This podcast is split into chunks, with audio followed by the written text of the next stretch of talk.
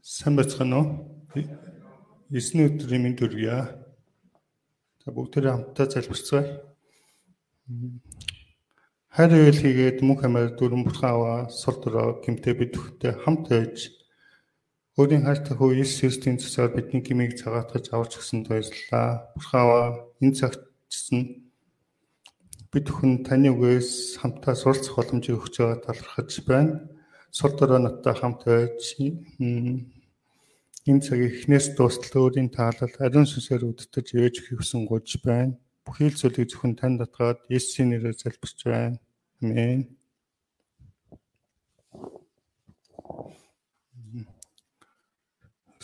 Сүмийг цэвэрсэн Есүс гол ишлэл 2:19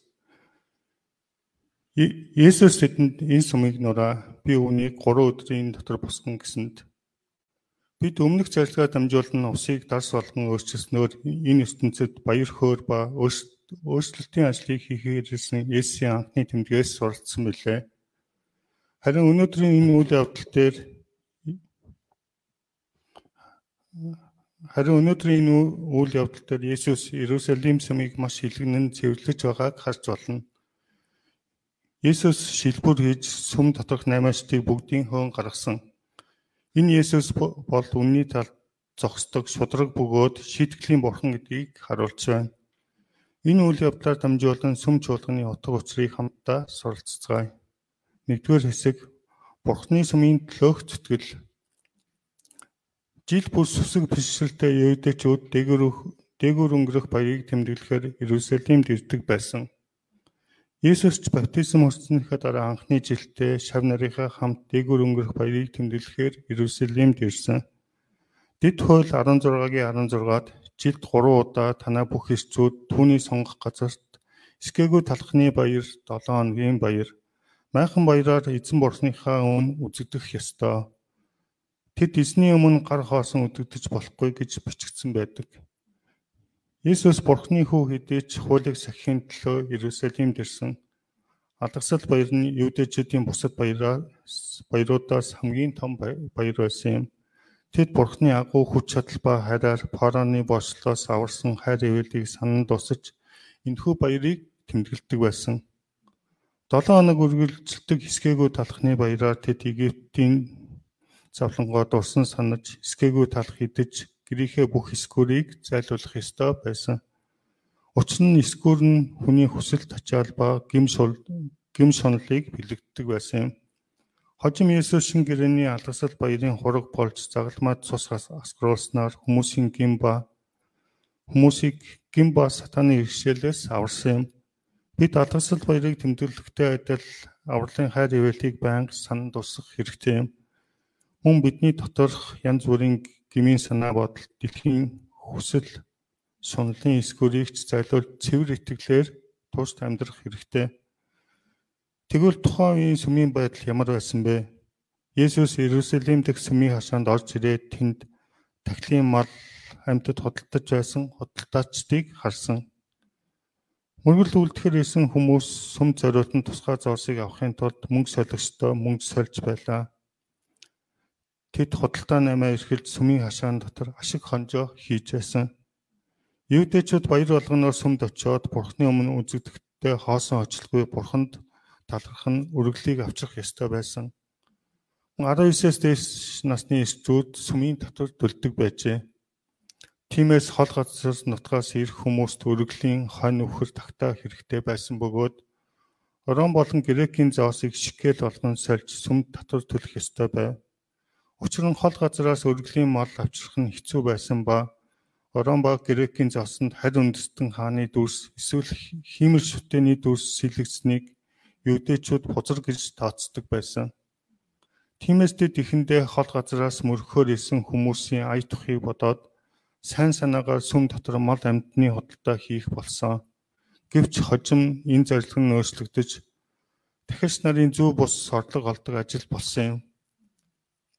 Өргөлүүдийг шалгах хэрэгтэй тахилснаар наймаачтай тохиролцсон зөвхөн өөрсдийнх нь малыг ард түмэн зарахын тулд эднээс өндөр хахуул авдаг болсон. Тиймээс Иесус дэрэмжтийн үүр болгосон гэжээ. Бурхны сүмнийхүү шашны удирдагч нарын мөнгөний хүсэл шунлаас болж дээрэмчний үүр мэт болсон юм. Орс төстийг арт түмний нөөц царай гэж хэлбэл шашны удирдагч нар арт түмний мөс чанар гэж хэлж болно. Тэд арт түмнийг Бурхны үгээр хоорлож арт түмний төлөө зурсан залбирлаар үйлчлэх хэрэгтэй байсан.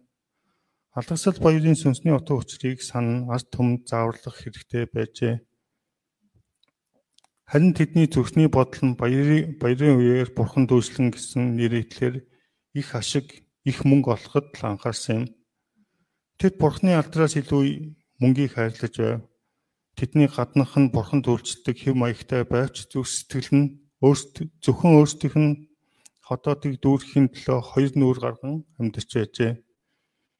Ийм тэд итгэл сүсгтэй харагдавч сүнслэг хүч нь байхгүй байсан юм. Тэдний сүнсний байдал нь ялзаж дараацсан байна. Есүс сүмийн байдлыг хараад маш их хуурсан. Сүм дотор Бурхны үг ба залбирлын дуу чимээ байхын оронд хонь үхрийн майлах дуу, мөнгө солилцох дуу чимээ, намаштын уур хангасан юм. Үүнийг харсан Есүсийн сүнсний уур хилэн шатаж дээсээ шилбүргийн хонь үхэр бүгдийг хөөн гарган мөнгө солигчдын зоосуудыг таран хайж ширээг нь хөмрүүлсэн. Ийхүү Есүс Бурхны сүмийг цэвэрлсэн юм. Энэ Есүс нь өмнө нь олсон хормын найран дээр хүмүүст баяр хөөргийг авчирдаг. Бусдыг ерөөсөн дүр төрхөөс тис өөр байсан юм. Есүс уг нь зүдэд зүтгэс тийгээд хүнд ачаа өрсөн бүгдээ над дээр ир би та нарыг амраа мөн буцалсан зэгсийг хугалахгүй бүдгэлсэн дэнгч бөхөөдгүй нэг юм. Ийм л хайр нэгүслээ дүүрэн Есүс харин энэ удаа ёс бус байдалд дуурснаар үнний талд зогсдог дүр төрхөө харуулсан юм. Есүс шудраг бусыг хүлээн зөвшөөрөхгүй бөгөөд зөв шударгаар шүүдэг нэг юм. Тиймээс Есүс хоёр нүртэй шашны удирдагч нарыг залгууе. Хорт могоо удмаа тамийн шитгэлээс та нар яаж зогтох вэ гэ хатуус зэмлсэн. Энэ Есүс бол зөв шудраг ба өмнөө шитгэдэг бурхан юм. Есүс үнэхээр хүнд муу гэм үйлдсэн ч өөрөө нь гимшин гимшлийн даруй сэтгэл ба итгэлээр ирдэг хэнийгч хүлээн авдаг хүлээн авч уучлалдаг юм. Харин үннийг уландаа гисгэн худал хуурмгийг үлдгчдэд уур хилэнгээ асгарах болно. Тэгвэл Иесус ягаад ийхүү уурсан болоо? Нэгдүгээрт шашны удирдагч нар Бурхны гэрийг намаштын газар болгосон учраас юм.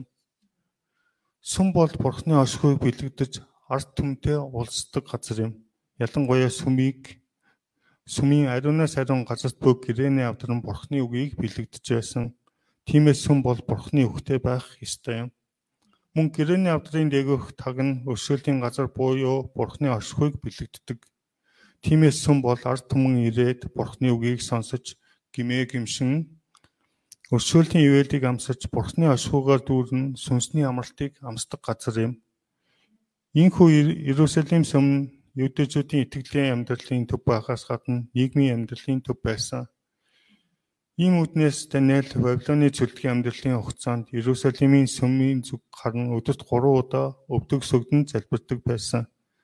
Гэтэл Есүсийн үеийн шашны удирдагч нар өөрсдийн сүнслэг үүрэг ба хариуцлагыг хумартна. Хэлбэр төдий шашинлаг амьдарч мөнгийг шүтэж амьдарсан. Энэ нь тухайн үеийнхний бүх гмийн их үсэр болсон юм. Тэгвэл Бурхны сүм ямар газар байх ёстой вэ? Нэгдүгээрт Бурхны үгийг тунгалагдах ёстой. Хуучин гэрээний үед сүм нь дахил өргөдөг газар байсан бол шин гэрээний үед бидний төлөө өргөл болсон Иесус талархаж амьдрах газар болсон юм. Сүм чуулганы гол үүрэг нь үүс намнаас үзүүл үгийг тунхаглахад байдаг. Иесус сүмийг цэвэрлсэн шалтгаан тэд Бурхны амийн үгийг бус худалдаа намын дуу хоолойгоор сүмийг дүүргэсэн учраас юм. Манай чуулган ч гэсэн Бурхны оршихын газрын хувьд Бурхны үгээр дүүрэн байх хэрэгтэй. Хоёрдугаар залбирал чамдах хэрэгтэй. Есүс Марк 11:17-д Миний гэр бүх үндэсний залбирлын гэр гэж нэрлэгдэх болно гэж бичигдсэн босуу гэв. Бурхан өөрийнх нь гэрийг харь үндэстнүүдийг аврах газар үүний төлөө залбирдаг гэр болохыг хүсдэг. Харин юудэчүүд харь үндэстний авралын төлөө ажиллах нь бүхэл сүмийг 8-ны газар болгон ашигласнаар тэднийг Бурхны өмнө ирэхийг саатуулсан юм. Харин Иесус Бурхны сүмд харин төснүүд арвагдан үүний төлөө залбирдаг гэр болохыг хүссэн юм. Сүм чуулган бол авралыг хүсэмжилдэг хүмүүсийн авралыг авдаг мөн бусдын төлөө зурслан гуйдаг хүмүүсийн дуу хоолойгоор дүүрэн газар байх ёстой. Мөн залбирлаа дүүрэн газар байх ёстой юм. Хоёрдугаарт Иесус уурсан үнний төлөө халуун зүрхтэй байсных юм. Шавнар Иесусийн уурлан хилэгнэж байгаа хараад цочролд орсон байх шашны удирдагч нарын эсрэг арай бодлохгүй үлдсэн биш үү хэмээн айсан. Харин тэр үед тэд үгийг сансан 17 дугаар ишлэлийг үзээрэй. Шавнар таны өргөний төлөөх зүтгэл намайг залхих болно гэж бичигдсэн байдгийг сонсгоо. Шавнар энэ үгийг санаад Есүсийн Бурхны төлөө халуун хайр ба зүтгэлийг ойлгосон юм. Бурхны сүмийн төлөө зүтгэлэн Бурханд хандсан халуун хайрын илэрхийлэл байв. Есүс Бурхныг халуун зүрхээр хайрлсан тул Бурхны өргөө зах мэд болсныг төвчж чадаагүй юм. Шавнырын сансан энэ үг нь дуулал 69-ийн 9-өөс иш татсан байдаг. Энэ нь Бурхны өргөөний төлөө зүтгэлээс болоод хүмүүсийн шүүмжлэл ба буруутгал Есүс төрж хүлт хүртэл тушаагдсан гэсэн зүгнэл юм. Хожим Есүс энэ үйл явдлаас болж дайснуудад үзэн ядагдсан цагламууд дэс цовлогдсон билээ. Есүс инхүү ирэх баригч шашны өдөртөс нарын эсрэг зүйл үлдэх нь амь насанд нь аюултай байсан. Гэсэн ч Есүс зөвхт бусын эсрэг тэмцэлдсэн юм. Энэ зөвхт бусыг үзэн ядаж үннийг хайрлах халуун зүрхнээс болсон юм. Юу ч үзэн ядахгүй байгаа нь юу ч хайрлахгүй байгаатай адил гэсэн үг байдаг. Зөвхт бусыг үзэн ядахгүй хүн үннийг хайрлахгүй хүн гэсэн утгатай юм. Бид үнэхээр үннийг хайрлахад зөвхт усыг үгүй ядах болно. Мөн Есүс тэдний гмийн эсрэг идэвхтэй тэмцэн тэдэнд хандсан хонсны халуун хараар дүүрэн байсны юм. Тэдэнд Бурхны өмнө гмээ ухаан гимших боломж өгөхийн тулд өөрийгөө бодлогүй тэмцэлдсэн. Есүс зөвийг үлдэхэд маш зоригтой байсан бөгөөд маш зоригтой байсан. Бидэнд зөв тусыг үлдэх нь энгийн мэт санагдаж Үнний дагуу амьдрал гадуурхагдаж сонин хүн мэт тооцогдох цаг үед амьдарч байгаа билээ. Тиймд үнэн ба шударгаар амьдрахыг хүсвч нөхцөл байдлаас хамаарн зөвхт бус байдалтай тохиролцсон амьдрахад амархан байдаг. Тэгээд өөрийгөө сул дорой учраас зөв тусыг ялах хүч зориг байхгүй гэж мөрөн боддог. Харин энэ сул дорой асуудал бус үнний эсрэг муугийн тал зогсохтой адил бөгөөд үннийг хайрлах сэтгэлгүй байгаа учраас юм. Бидний зүрхэнд Бурхныг хайрлаж үнний төлөө үнний төлөө хүчтгэл байхад Есүс шиг өөрийгөө бодлого үхлээс заахгүй зоригтой тэмцэж чадах болно. Бурхны анжил нь халуун зүтгэлтэй хүмүүсийг олноор хүсдэг. Бид ч гэсэн Бурхны төлөө халуун зүтгэлтэй хүмүүс болж сүнсээр өсөж чадахыг хүсэн гуйж байна. 2. Сүм болсон Есүс 18 дугаар ишлэлийг үзээрэй. Есүс сүмийг цэвэрснээр Месиа гэдгээ тунгалдаж байна. Үүнийг юудэчүүд ч гэсэн ойлгосон. Тийм ч учраас тэд түүнээс иймэрхүү зүйлийг үлдэх эрх мэдлээ батлахын тулд ямар нэгэн гайхамшиг буюу тэмдэг үзүүлэхийг хүссэн юм.